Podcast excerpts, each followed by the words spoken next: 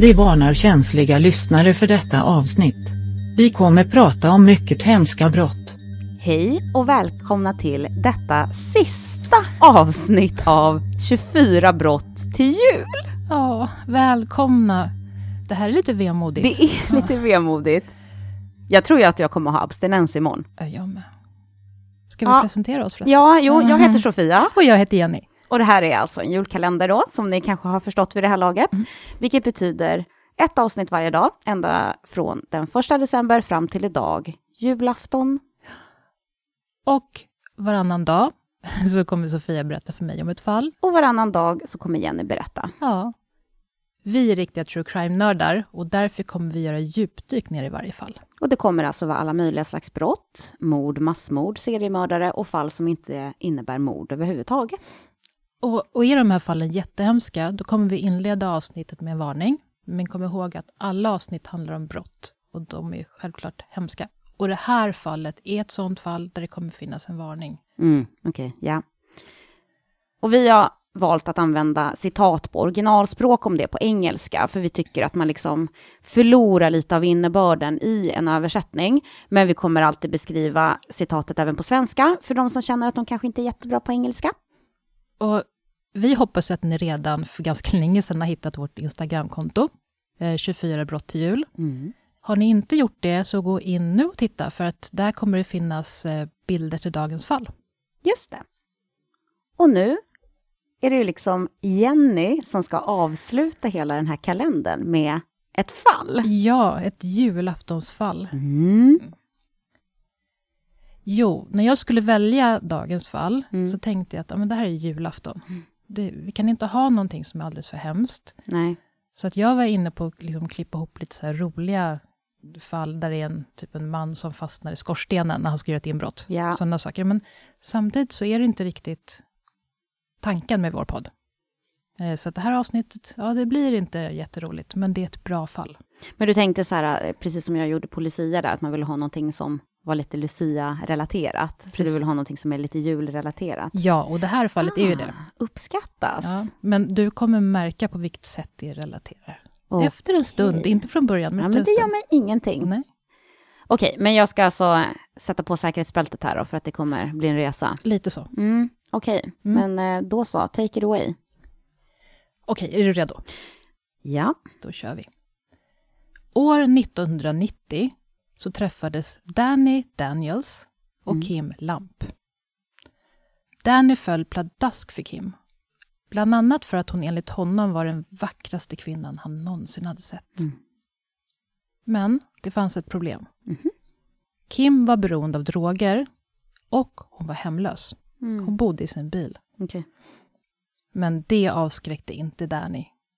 De kom överens om att Kim skulle kämpa för att lägga det livet bakom sig. Ja.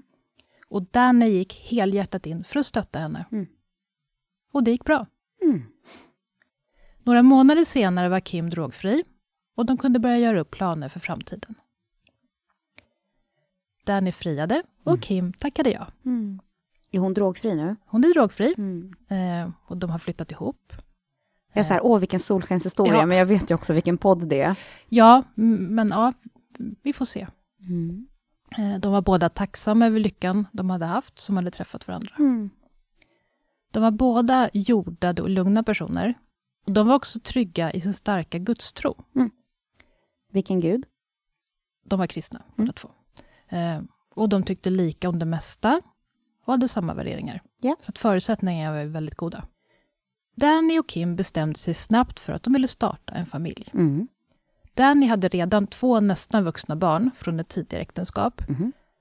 men han ville mer än gärna ha fler. Hur gamla är de? Barnen? Nej, Danny Eh, och Kim. Det vet jag faktiskt inte. Typ 30-årsåldern. Ja, men han har vuxna barn. Ja, men kanske om han är typ 30... Nej, han är nog närmare 40. Ja, ja. Eller kanske lite över. Mm. Ja. Eh, jag vet faktiskt inte exakt hur gamla de är. Men, Mm. ja. De ville ha en stor familj och de ville bo en bit ut på landet för att kunna ge sina barn en trygg och harmonisk uppväxt. Mm. Så de bestämde sig för att flytta till staden Santa Claus. Mhm. Det första man ser när man kommer till byn Santa Claus är en stor skylt med byns namn Mm. och slogan som heter Staden som älskar barn. Ja. Perfekt. Och det är ju en jättehärlig slogan, förutom att namnet är lite överdrivet. För att den så kallade staden har bara 300 invånare. Mm. Så det är alltså en, mer en by då än en stad. Den ligger 12 mil väster om Savannah i Georgia. Georgia ligger ju i sydöstra USA, Mm. ovanför Florida. Just. Så det är en av de varmare staterna. Mm. Jag tänker att när man hör liksom namnet på byn så kanske man tänker att det skulle ligga typ Colorado eller något. Just det. Men det gör det inte. De har Men- inga vita vind... Har ju inte det. Mm. Eh, men hur som helst. Där slog sig Danny och Kim ner i ett envåningshus byggt av röda tegelstenar. Och på framsidan kan man se den enorma skorstenen, en sån här typisk som faktiskt en tomte skulle kunna komma ner genom. Just det. Bakom huset växte en tät ridå av barrträd. Mm. Och ut med husväggen klättrade vinrankor. Så de här barrträden, det är nästan som eh, julgranar då, då, Ja, lite så. om vi ska följa Ja, temat. eller hur?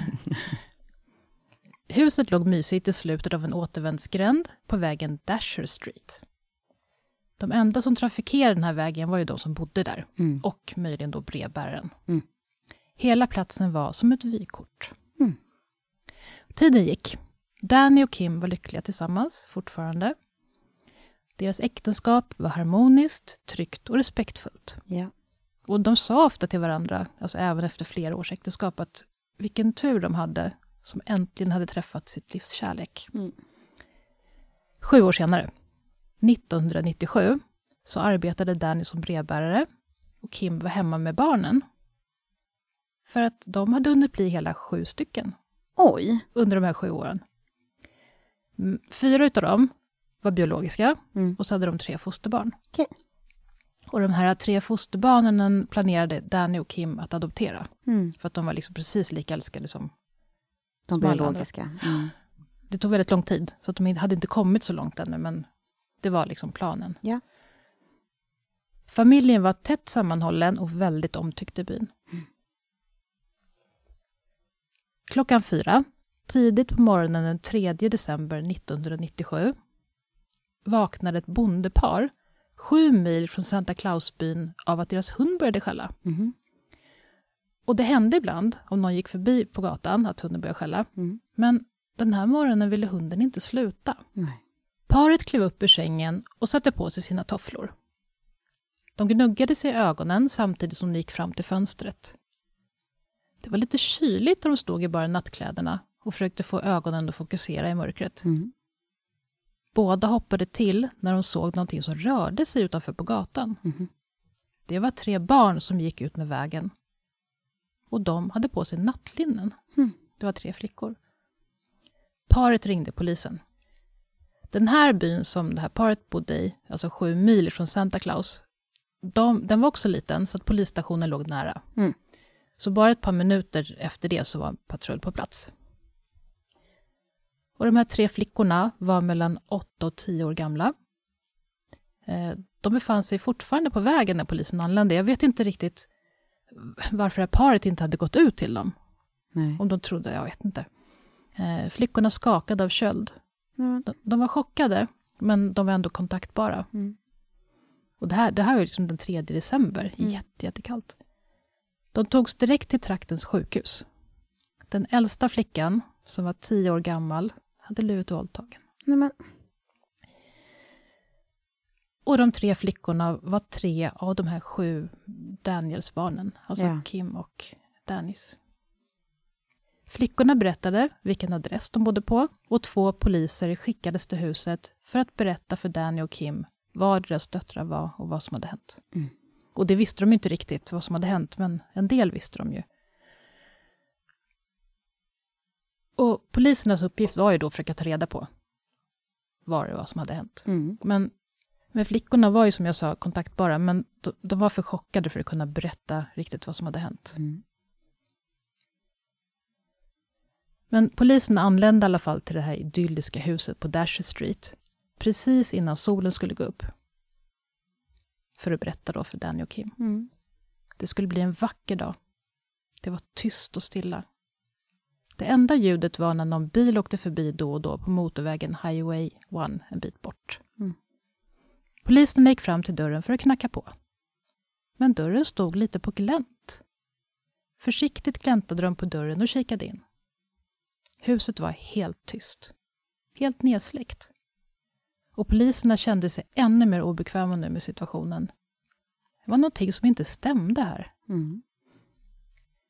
Förutom den öppna dörren så var mörkret illavarslande på något sätt.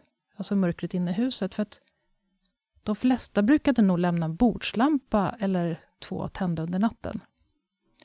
För att ge i alla fall ett litet sken om någon behövde gå upp på natten. Just det. Poliserna tittade på varandra och tog i samförstånd upp sina vapen och varsin ficklampa. Mm. Långsamt gick de in i hallen och sen vidare rum för rum. I slutet av korridoren så låg föräldrasovrummet. Mm.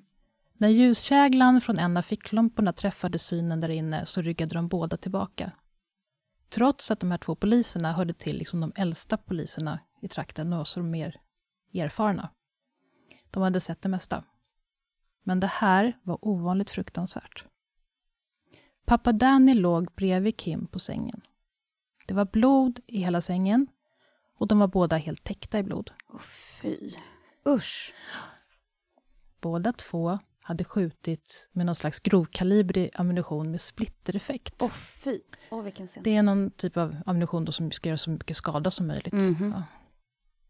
I en angränsande korridor så hittade poliserna Jessica, 16 år. Och det var en av de döttrar som skulle adopteras. Mm. Hon låg utsträckt på golvet iklädd nattlinne. Hon var skjuten från ett nära avstånd i ansiktet. Åh. I rummet bredvid hittades den åttaåriga Brian. Han hade legat och sovit med armen runt sin nallebjörn när han hade blivit skjuten i huvudet. Nej men lilla gos. Men troligen hade han i alla fall aldrig märkt vad som hände. Nej. Poliserna tvingade sig själva att inte bryta ihop medan Mm. de delade upp sig mellan offren för att leta efter livstecken. Mm. Men de hittade inga. De sökte igenom huset och såg sig runt på tomten för att se om, om de kunde se förövaren eller förövarna eller något. Just. Ja. Men de förstod att de förmodligen var långt borta vid det här laget. Mm. Så de gick tillbaka in för att invänta förstärkning. Medan de väntade gick de igenom huset en gång till. Mm. Plötsligt hörde de en dämpad snyftning. Men. Då tappade en av poliserna sitt tillkämpade lugn och började springa runt och öppna skåp och garderober. Och i en garderob hittade de två barn och de var vid liv. Nej men åh. De båda barnen låg ihopkrupna och skakade utan kontroll. Det var den fyraåriga Corey och den tio månader gamla Gabe. En liten tio månaders. Ja. Båda två var fosterbarn och de skulle också snart adopterats.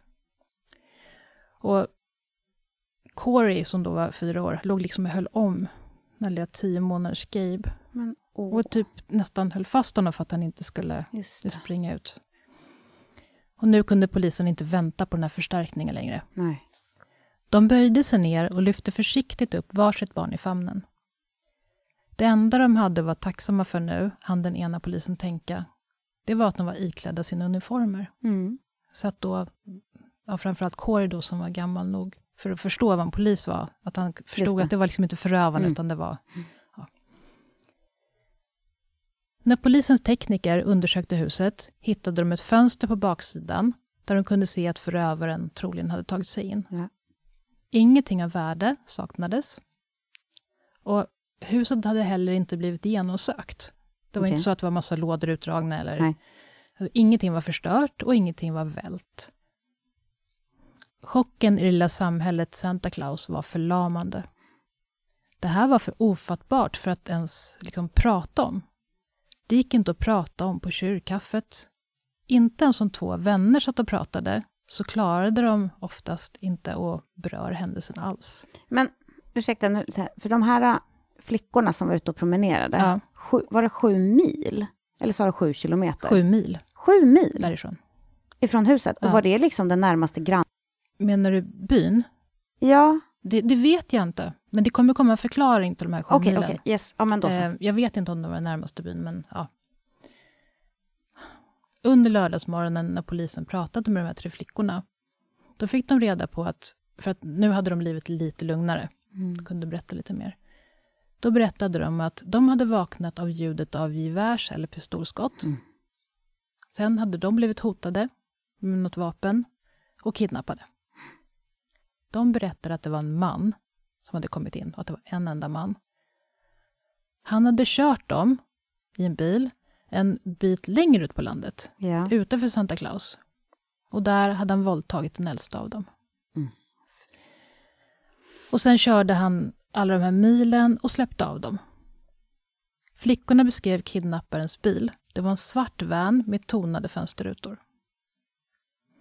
Utredarna delades upp mellan olika arbetsuppgifter. Vissa knackade dörr. Mm. Andra letade i bilregister efter svarta vanar med tonade rutor. Ja. En tredje grupp letade igenom familjen Daniels bakgrund för att se om de kunde hitta något motiv till ja, varför. Liksom. Mm. Samtidigt beordrade sheriff Charles Durst att huset och tomten helt skulle spärras av. Mm. Både för att obehöriga inte skulle kunna komma in, men också för att de inte skulle kunna se någonting. På plats inne i huset var en rättsläkare, en brottsplatstekniker och en åklagare. Mm. Och varje offer hade blivit skjuten i huvudet som, som det är beskrivet i min källa, eller mina källor, på ett avrättningsvis. Mm. De hade alltså inte blivit skjutna medan de försvarade sig. Nej. Till exempel, Danny, han hade blivit skjuten i bakhuvudet. Jessica, 16 år, var skjuten från ett nära avstånd i ansiktet framifrån. Men hon hade liksom inga avvärjning, hon låg bara i sängen, liksom. inga avvärjningsskador eller någonting. Hittas det några vapen i huset? Nej. Nej. Det var så mycket blod i de olika rummen att utredarna inte förstod varför det inte fanns blodiga fotspår. Mm. De hittade också flera tomhylsor från ett Remington 1100-gevär. Okay. Eh, så då fick de reda på vad det var för vapen i alla fall. Alla tänkbara ytor tejpades för att leta efter fingeravtryck och andra spår. Mm. Hårstrån, klädfibrer, allt som kunde hjälpa dem att hitta mördaren gicks igenom. Mm. Samtidigt intervjuades då de här flickorna fortfarande, fast Just. väldigt försiktigt, om vad de hade varit med om. Och särskilt hur förövaren hade sett ut och hur hans röst hade låtit. Hade han luktat någonting? Hade han rört sig på något speciellt sätt? Och flickorna varit lugnare och lugnare, men de var fortfarande på något sätt ja, förvirrade och chockade. Och... Ja, men det är klart. Åklagaren lämnade brottsplatsen efter någon timme och åkte in till stadshuset för att hålla en kort presskonferens för den samlade presskåren. Mm. Och den var inte så stor ännu. Det hade bara gått ett par timmar. Så ja, det, det var... är en jätteliten ort också. Liksom. Ja, det är ju det. Så det var mest liksom lokala tidningar. Det hade kommit några journalister från de två närmsta städerna, som var Savannah och Charleston. Ja. Men när de hade kommit lite längre skulle en större, mer formell presskonferens hållas. Mm. Och han valde att släppa så få detaljer som möjligt. Det enda han sa var att ja, det var en familj som hade blivit dödade. Mm. Men han berättade att utredarna inte trodde att familjen hade valts ut baserat på slumpen. Nej. Utan hypotesen var att just den här familjen, eller någon eller några i familjen, var måltavlan. Okay. Så det var, de trodde inte att det var ett rån som hade gått snett. Nej. Ja, och en sak som utredarna fortsatte att fråga varandra liksom gång på gång, diskutera, det var att är det en eller är det flera personer eller hela familjen som måltavlan? För det liksom skulle avgöra ganska mycket hur de skulle fortsätta att jobba. Förstår. Och dessutom, varför släpptes de här tre flickorna? Just det. Varför, varför sköts inte de? Och det är också lite så här, tänker jag, att om, om syftet är att, att döda, liksom. Ja. Och sen så bara, nej men jag våldtar ett barn också. Ja. Nej, alltså det är helt ofattbart. Och det är sjukt och det är, ja, det är jättemärkligt. Mm, verkligen. Det, det, det, det rimmar liksom inte riktigt nej. på något vis. Och dessutom, han hade ju inte på sig någon typ av mask. De hade ju sett honom. Just det. Nu, var de, nu är de fortfarande så chockade att de kanske inte kunde beskriva honom riktigt än. Nej. Eh, men, men risken är ju såklart att det är klart de kommer kunna beskriva honom så småningom. Mm. Ja, den lilla harmoniska byn, Santa Claus, som var känd för att fira julen lite mer och bättre än alla andra amerikanska byar. Mm, jättekonstigt, undrar varför. Ja, det är jättekonstigt. Och turister åkte liksom dit för att titta på deras juldekorationer. Ja, men det är klart. men nu så drog byn till sig en helt annan typ av turister. Mm. Mordplatsturisterna. Ja. Allt eftersom timmarna gick så släppte då flickornas chock mer och mer. Mm. Tills polisen fick det avgörande material eller information som de behövde. Namnet på mördaren. Okej. Han hette Jerry Heidler. Mhm. Och nu ska jag berätta lite om Jerry. Ja, tack. Han var en 20-årig ung man som bodde med sin familj en bit utanför byn. Mm. Och flickorna visste inte särskilt mycket om honom. Men det de visste var att han hade dejtat deras stora syster Jessica. Okej. Hon som var 16 år. Ja. Och de hade bara dejtat ett kort tag. Och Jessica hade inte pratat om Jerry särskilt mycket. Nej. Men de hade träffat honom några gånger och sådär. Däremot så hade han överöst Jessica med blommor, hade kommit och hämtat henne varje gång de skulle på dejt. Men en dag hade Jessica gjort slut. Mm. Och när ett av de nyfikna småsyskonen frågade, alltså frågade Jessica varför, då hade hon bara svarat att ja, jag är helt enkelt inte kär. Nej. Nej. Sånt händer. Ja, det känns rimligt att då gör man slut. Tillbaka till fallet då. Ja. Eh, överallt över hela Georgia, alltså hela delstaten, så hade det satts upp vägspärrar. Men eftersom flickorna varit för chockade för att ge någon egentlig signalement tidigare, Just det. då hade de knappt kunnat leta efter dem. Det kunde Nej. vara mycket, vilken man som helst. Man kan ju stanna hur många bilar som helst. Vet man inte vad man letar efter så hjälper ju liksom Nej. inte det. Precis. Och nu hade det gått så lång tid. Nu hade de ett namn Mm. och ett signalement. Det hade gått så lång tid, så han hade kunnat ta sig hur Just det. långt bort Ja, som visst. helst. Självklart. Men de ansvariga utredarna åkte i alla fall tillsammans med en insatsstyrka till Jerrys och hans familjs hus. Mm. Och polisen hade precis positionerat sig runt om huset när den misstänkta mannen Jerry kom ut genom dörren. Mhm. Och det var tydligt att han var på väg mot bilen, Ja. en svart van. Och då ropade insatschefen en kort varning till honom att typ stanna upp med händerna, eller Mm. någonting sånt. Och Jerry vände sig först mot honom och såg förvånad ut, som att han inte förväntade sig det. Och de hann få ögonkontakt, och sen vände sig Jerry om och sprang tillbaka in i huset. Mhm. Och då kom Jerrys bror ut ur huset och gick fram till insatsstyrkan.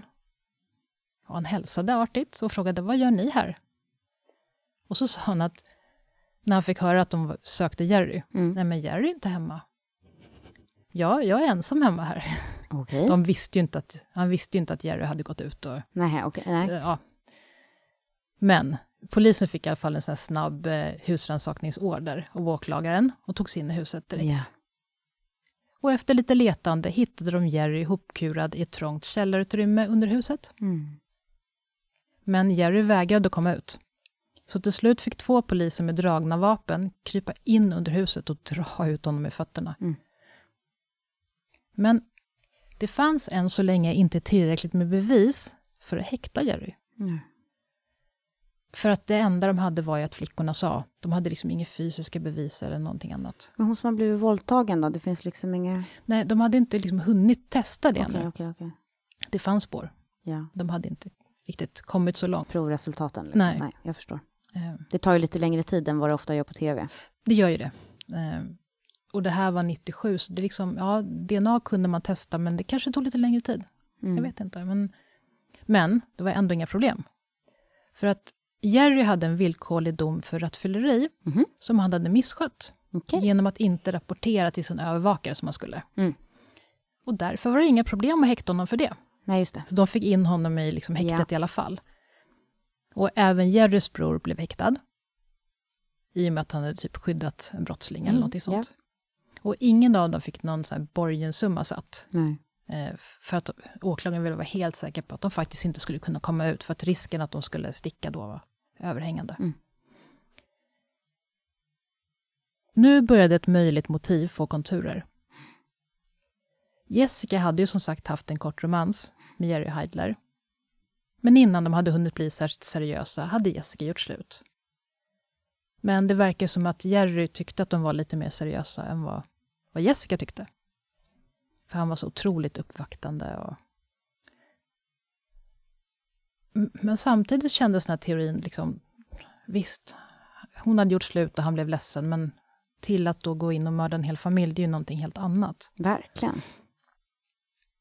Men samtidigt, sånt där har hänt förut. En dumpad pojkvän eller flickvän har liksom hämnats. Mm. Tisdagen den 9 december 1997, alltså sex dagar efter de här morden, då hölls begravningen. Mm. Och de fem barnen som hade klarat sig undan Mm. hade liksom livvakter, polislivvakter under Ja. gudstjänsten. För att det är ett massmord. Mm. Föräldrarna mördades. Och eh, Jessica och eh, Brian, som var åtta år. Så det är ett massmord, fyra personer. Mm. Men de tre flickorna klarar sig. Och Corey, fyraåringen, och Gabe, den tio månaders lilla killen. Just det. Så det är fem som klarar sig Mm. utav barnen. Och de här livvakterna, de skulle skydda då barnen från att ja, bli utsatta för, för att men Jerry satt ju i häktet. Just det. Och de var ganska säkra på att det var han. Mm. Eh, men de skulle framförallt skyddas för att ibland när det händer såna här grejer så alltså, blir journalister, de blev otroligt påträngande. Mm. Och det var även liksom vanliga människor som skulle, ja, men ville komma nära barnen, skulle trösta och folk som aldrig någonsin hade träffat dem. Så att livvakten var ja, obehagligt. Ja, ja, jätteobehagligt. Samtidigt var det dags för Jerrys häktningsförhandling. Mm. Flera av de sörjande på begravningen, de åkte direkt från begravningen till domstolen. Mm. För, att, för att få se den här mannen som hade krossat en hel familj. De ville liksom visa honom det här föraktet de kände för honom genom att bara sitta där. Under förhandlingen så frågade domaren Jerry vad, vad han svarade på anklagelsen. Mm. Var han skyldig eller oskyldig? Domaren läste upp åtalspunkterna. Fyra mord, kidnappning och våldtäkt. Jerry tittade ner i golvet och svarade med monoton röst. Jag är skyldig. Jag dödade dem. Mm. Och så berättade Jerry vad som hade hänt. Dagen hade börjat med att han varit på en begravning. Mhm. Det var nämligen, han hade träffat en kvinna nio månader tidigare. Bara liksom en natt. Mhm. Hon hade blivit gravid. Och Oj. han hade blivit jätteglad. Ja. Eh, De var inte tillsammans och de skulle inte vara det heller, men han skulle få ett barn. Ja. Men barnet var dödfött. Nej men, Så att det var det barnets begravning han var på. oj då. Och efter den här begravningen så hade han gått hem till sin mammas hus, för där bodde han ju. Och då hade han druckit två öl. Men när de andra personerna i huset, förmodligen då hans bror och mamman kanske, hade börjat prata om Jerrys döda barn, då hade Jerry inte klarat av att vara där längre. Nej. Så han hade hoppat in i sin van och åkt hem till familjen Daniels. Och han kunde inte förklara varför. Nej. Och eftersom han hade varit hemma hos familjen Daniels flera gånger, när han hade hälsat på Jessica, då visste han ungefär var de hade olika trädgårdssaker. De hade till exempel en lång stege som alltid stod utomhus lutad mot ett träd. Så stegen tog han och så ställde han den mot ett fönster, det här som var lite öppet, Mm. och så tog han sig in. Först sköt han den åttaårige Brian i sin säng. Och när han kom ut ur Brians rum, då hade Jessica vaknat av ljudet av skottet, så hon kom springande mot honom i korridoren. Och då sköt han henne direkt. Sen gick han in i Dannys och Kims rum och sköt dem snabbt efter varandra. Sen hade han tagit med sig de här tre flickorna i bilen Mm. och han körde liksom till en avlägsen plats där han tog ut den äldsta flickan ur bilen och lät de andra sitta kvar. Han tog med henne utom hörhåll från de andra och syn, att de inte skulle se heller. Och så våldtog han henne. Mm. Eh, och det, jag vet inte om du tänker på det, men han berättar ju allting som har hänt. Han säger ingenting om varför. Nej. och det nej. verkar också som att han faktiskt inte själv vet varför. Nej. Och när de kom tillbaka till bilen, alltså han och den tioåriga flickan, då sa hon att vi är så himla rädda för ditt gevär. Kan inte du ta bort det? Mm. Och då nickade han och sa att jo, men jag håller med. Det kunde han faktiskt göra, han kunde ta bort geväret. Så då gick han fram till en fors som rann precis i närheten och slängde i geväret. Mm. Sen körde han alla de här milen, där han släppte dem, i en annan by. Och han kunde inte förklara varför han hade gjort så. Nej, Varken varför han hade släppt dem eller varför han hade åkt så långt. nej. Så eftersom Jerry redan hade erkänt, då fanns det liksom ingenting hans försvarsadvokat kunde göra för att få sin klient att gå fri. Men däremot så kunde han försöka få Jerry att bli dömd till vård. Just det. Istället för fängelse då. Mm, mm. Och det blev planen, som i så många andra fall. Just. Men det viktigaste att börja med nu, det var att se till att Jerry inte blev dömd på förhand. Nej. Och här, alltså i området runt Santa Claus, då var han redan dömd utav liksom befolkningen och Mm, media. Och, såklart. Och kanske hade han inte särskilt mycket större chans någon annanstans heller. För att det här var ett så spektakulärt eller hemskt fall att det, liksom, det var känt Mm. ganska långt utanför delstaten. Ja. Men det var värt ett försök. Och advokatens argument i sin ansökan om att få flytta rättegången någon annanstans, det var så här. Han menade på att Santa Claus, det var en sån idyllisk liten julby, och det var det ju. Och då framstod ju faktiskt ett sånt här brott ännu hemskare än vad det var, för att byn var så idyllisk. ja, det ligger ju någonting i det. Ja, men samtidigt, kan ett massmord bli värre än vad det är? Alltså, det är ju vad det är. Även om det är en idyllisk by. Ja, Jag vet inte. Ja, det, är li- det, det är ju lika hemskt, men det Ja. blir ju mer uppseendeväckande om det är helt oväntat. Det blir det absolut. Och kanske att nyheten blev ännu mer spridd. För att byn hette vad den hette. Och, Sen ska det ju inte vara så. För det tycker man ju också att man hör ganska ofta i fall att polisen struntar i att kanske leta efter det där äh, drogmissbrukande prostituerade kvinnan som har försvunnit. ja, Men är det liksom... Är det guvernörens dotter som är borta, då helt plötsligt så har man resurser. ja, Alltså, Mm. det är ju lite samma så grej. absolut. Ja, det är det ju. Och det här var Att liksom, det är skillnad på folk och folk, eller var det händer, eller vem det händer, och Ja, även vem som är förövare. absolut. Och det här är liksom en barnfamilj med sju barn. Kristna går i kyrkan varje liksom, vecka. Mm. Jätteomtyckta. Mm. Eh. Och eftersom kontrasten mellan idyllen och brottet blev liksom större, Mm. som han hade hävdat då, och det höll faktiskt domare med om. Eh, Så därför så hölls rättegången lite längre bort från Santa Claus. Mm. Men det fanns en annan anledning också. För att åklagaren, han ville yrka på dödsstraff. Men han visste också att historiskt sett, när det gällde grova brott just på landsbygden i Georgia, så då hade dödsstraff nästan aldrig utdömts, även om dödsstraff finns i Georgia. Mm. Så statistiken liksom på andra platser, ja, chansen, eller vad ska jag säga, risken att bli dömd för till, till döden Mm. var större Ja. någon annanstans. Men tisdagen den 6 juli 1999, alltså ett och ett halvt år efter morden, då satt Jerry fortfarande häktad i väntan på rättegången. Men, för det tar ju lång tid att utreda och sådär, Mm. och den skulle ganska snart hållas, men på något sätt, som jag inte har lyckats få reda på, lyckades han rymma. Oj! Men snabbt fick man upp helikoptrar i luften och spårhundar som sökte efter Jerry. Och alla nyheters liksom första inslag i hela landet, det var att Jerry var på rymmen. Ja. Och också att man skulle akta sig för honom. För att Holly. ja, men det är klart. Och när Jerrys cell söktes igenom efter rymningen, då hittades inte mindre än 75 stycken hemmagjorda vapen. Och de hade han tillverkat med hjälp av skruvar, som han hade skruvat ut liksom ur undersidan på borden i matsalen. Ja. Och han hade också tagit ut delar, det finns ju där rök och brandalarm lite överallt. Ja. På något sätt hade han skruvat ut vissa delar, Ja. metalldelar och sådana. Ja. Och sen satt tillbaka liksom, så att det inte syntes. Och av det hade han tillverkat alla möjliga typer av vapen. Ja, 75 stycken då. Fy vad sjukt. Ja, det, alltså, det är helt... Så Jerry hade rymt, men han kom inte så långt. Och jag vet inte hur han hittades, men det gjorde han Mm. efter någon dag bara. Mm.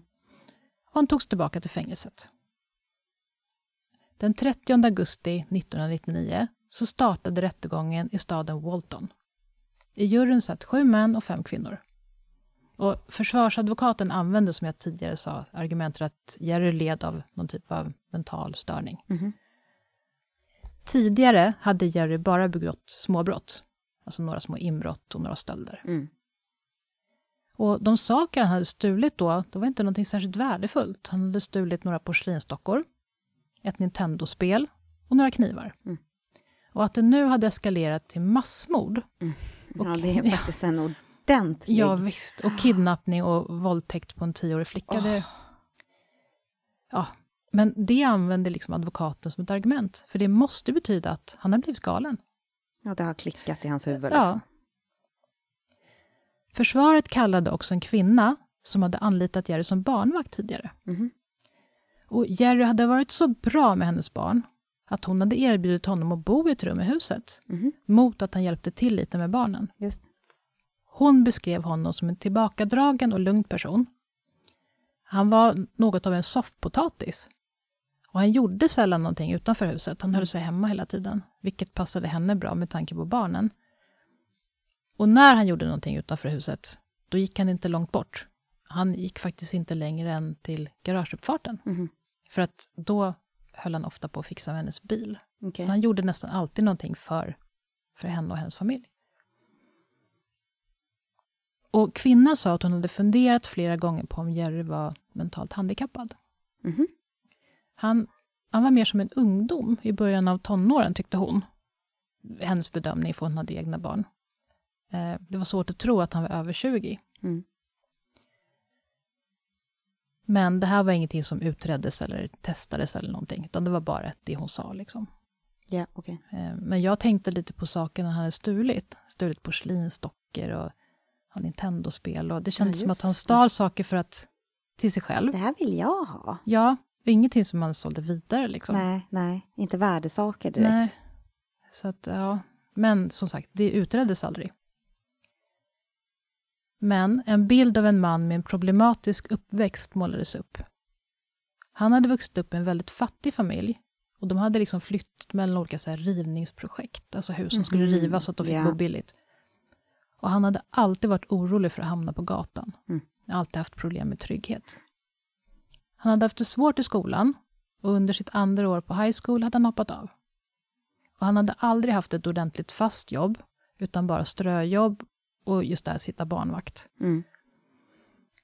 Så att när han hade träffat Jessica så var det liksom som att han fick en liksom, sån trygghet med henne och i hennes familj, som var så himla stabil, så att han fick, han fick det han sökte efter. Mm. Och, och så, så försvann det då när hon Ja. gjorde slut. Ja. Ja, okej. Eh, Sen kunde han själv inte, det var ju en tolkning då som, som rätten gjorde. Mm. Han förklarade aldrig själv och han verkade inte förstå själv vad som hade hänt. Nej. Han visste vad han hade gjort, men han kunde inte analysera själv varför. Mm.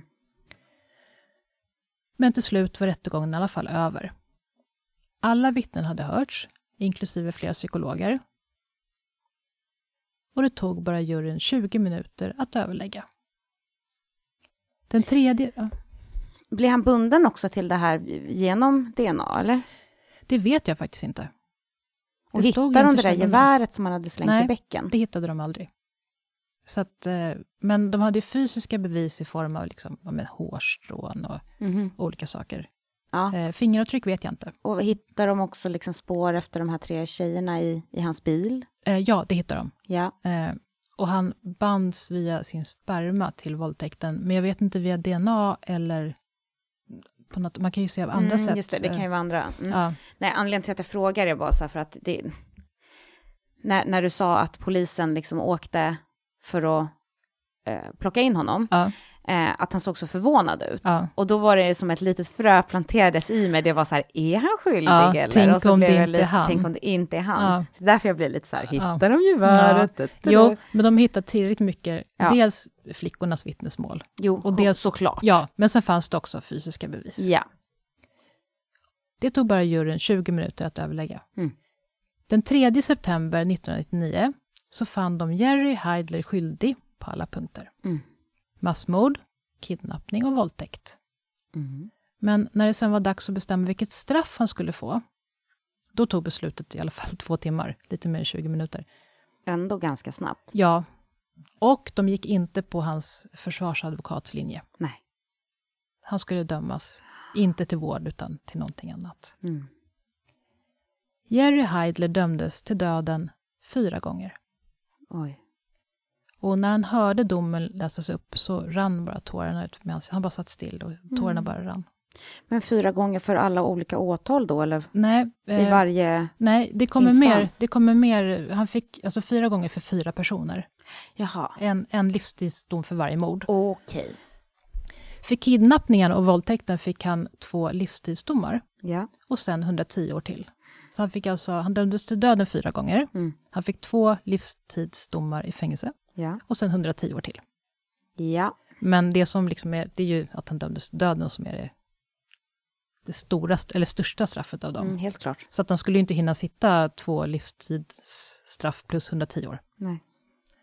Och Jerry Heidler sitter faktiskt fortfarande och väntar på att bli avrättad ja. i Georgia. Mm. Och det var fallet med The Santa Claus Killer. Åh oh, fy! Ja, visst är, det, visst är det så fruktansvärt. Men eh, det var ändå liksom ett julfall på något galet ja, sätt. För ja. det var i december och ja, byn heter ju vad den heter. Oh. Jag kan ju avslöja för lyssnarna att vi satt ju när vi pratade om så här, att vi skulle köra så varannan dag. Ja. Och så var vi lite så här, ja men då kan det ju vara kopplat lite till vilket datum det är. Och mm. så blev det ju så att den 13 blir ju en Lucia och den 24 blir julafton. Och jag bara, jag vill inte ha julafton! Nej. För att det är ju många podcast som kör julspecialavsnitt. Ja. Och då kändes det, tyckte ju jag, att mm. då känns det som att de flesta som är julrelaterade har man ju redan hört. Ja. Hade du hört det här? Nej! Nej. Så att, superbra på det sättet. Ja. ja, det är ju svårt när man, när man pratar om fall. Ja. Om man ska säga att det är spännande eller bra eller...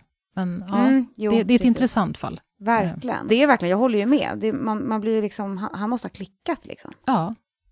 Och, han verk, och det finns ju ganska mycket så öppna saker med det här fallet, tycker jag. Till exempel att det, det fanns ju misstankar om att han hade en, ett begåvningshandikapp. Ja. Men det utreddes aldrig. Jag tyckte också så här, en, också som jag sa förut, att jag var lite så här, är det verkligen han som har gjort det? Ja. Det var ju också det här att du sa att det såg ut som att de hade blivit avrättade. Ja.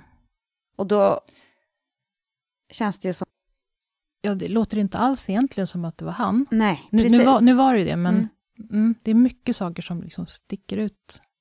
Så Verkligen. Om det inte hade funnits så mycket bevis. Nej, så hade, det ju, hade man ju tvi, tvivlat. Ja.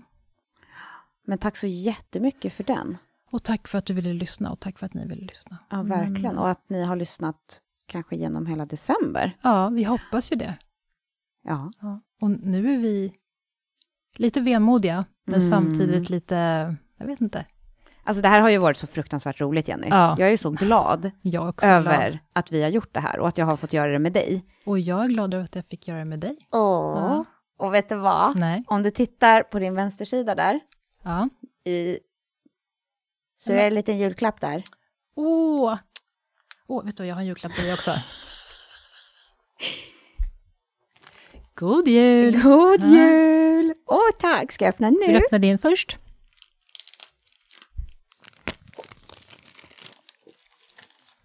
Och jag älskar att öppna paket, men jag tycker det är roligare att ge. Ja, men det tycker jag också.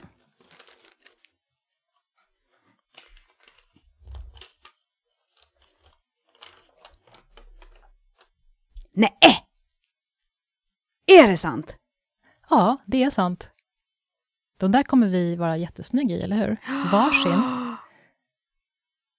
Det är alltså, kan jag berätta för er, ni som inte ser, det är en t-shirt med vår eh, logga på. Mm, jajamensan. Uh. Så de kan vi gå omkring med hela tiden nu. Det ska vi verkligen göra. Ja, för jag, Tack. varsågod. Just det här vemodet, Eh, kanske blir lite mindre om man går omkring med tröjan på sig. Blir Eller påmind. hur? Du, vilken bra idé. Tack snälla. Ja. Vilken grej. Varsågod. Nu tar jag och öppnar mitt paket. Ja.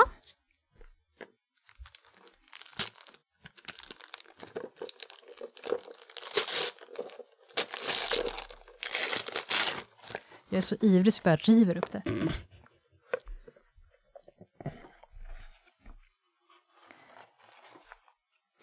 Nej men, Nu måste jag berätta vad det här är för någonting. Ja, eh, och varför du får en ja, sån där.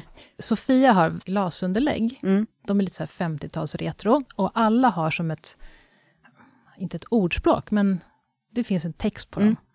Och på den här står det No husband has ever been shot while doing the dishes. Ja. Yeah. Och det här är då min favorit. Varje gång som jag är hos Sofia, där vi spelar in, så brukar jag välja min favorit som jag ska ha den dagen, Ja. under, mitt, under min tekopp. Och det här är då min absoluta favorit. Sicken tur.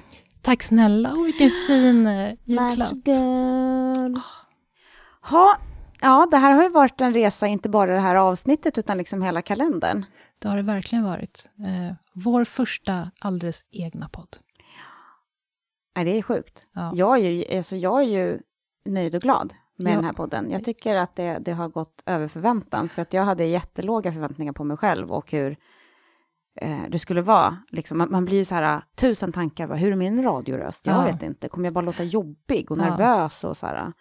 Och det kan jag väl tycka i och för sig att, att vi kanske är lugnare nu än, än de första avsnitten som vi spelar in, men ändå. Man kan ju höra skillnad, men det jag, jag trodde att, att det skulle vara jobbigt att läsa upp, Mm. men det har ju varit så himla roligt från första avsnittet att få lyssna och få berätta. Och, Ja, och jag kan ju verkligen så här...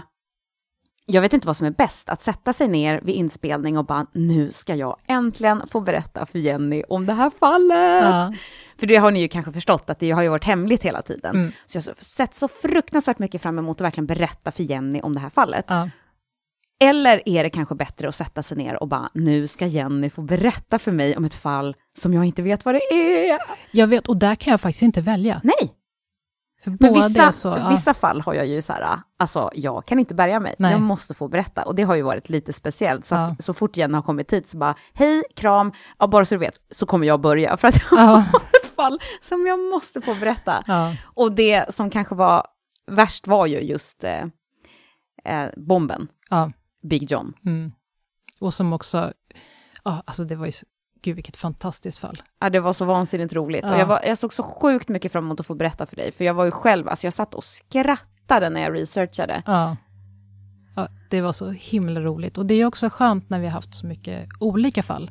Mm. Att vissa är så hemska, men sen Mm. kommer det lite mer lättsamt. Mm. Och det är skönt att vi har den, eller har haft den mixen. Verkligen. Ja, men då ska vi ju liksom inte säga att vi hörs imorgon, utan vi kanske ska hälsa alla god jul. Ja, god jul allihopa. God jul! Vad roligt att ni har lyssnat. Och god jul Sofia. Tack. God jul Jenny. Tack. Hej då! Hej då!